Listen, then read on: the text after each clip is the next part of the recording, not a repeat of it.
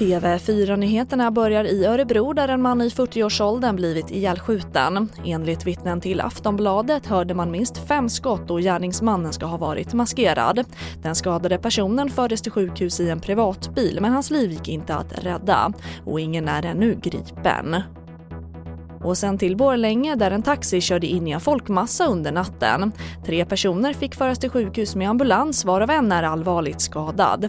Föraren är gripen och anhölls under morgonen misstänkt för mordförsök. Och det tar för lång tid för flygbolaget SAS att betala tillbaka för avbokade flyg under pandemin och nu hotas SAS av vite om man inte vidtar tillräckliga åtgärder, det rapporterar SR. SAS är också det flygbolag som har fått in flest klagomål till Konsumentverket i år och hittills har SAS återbetalat cirka 700 000 resenärer. Och även skohandeln har det mycket svårt ekonomiskt under coronapandemin med kraftigt minskad handel i butikerna. Och nu kräver organisationen Svensk Handel att regeringen stoppar den nya skatten på kemikalier i kläder och skor för att rädda butikerna under pandemin.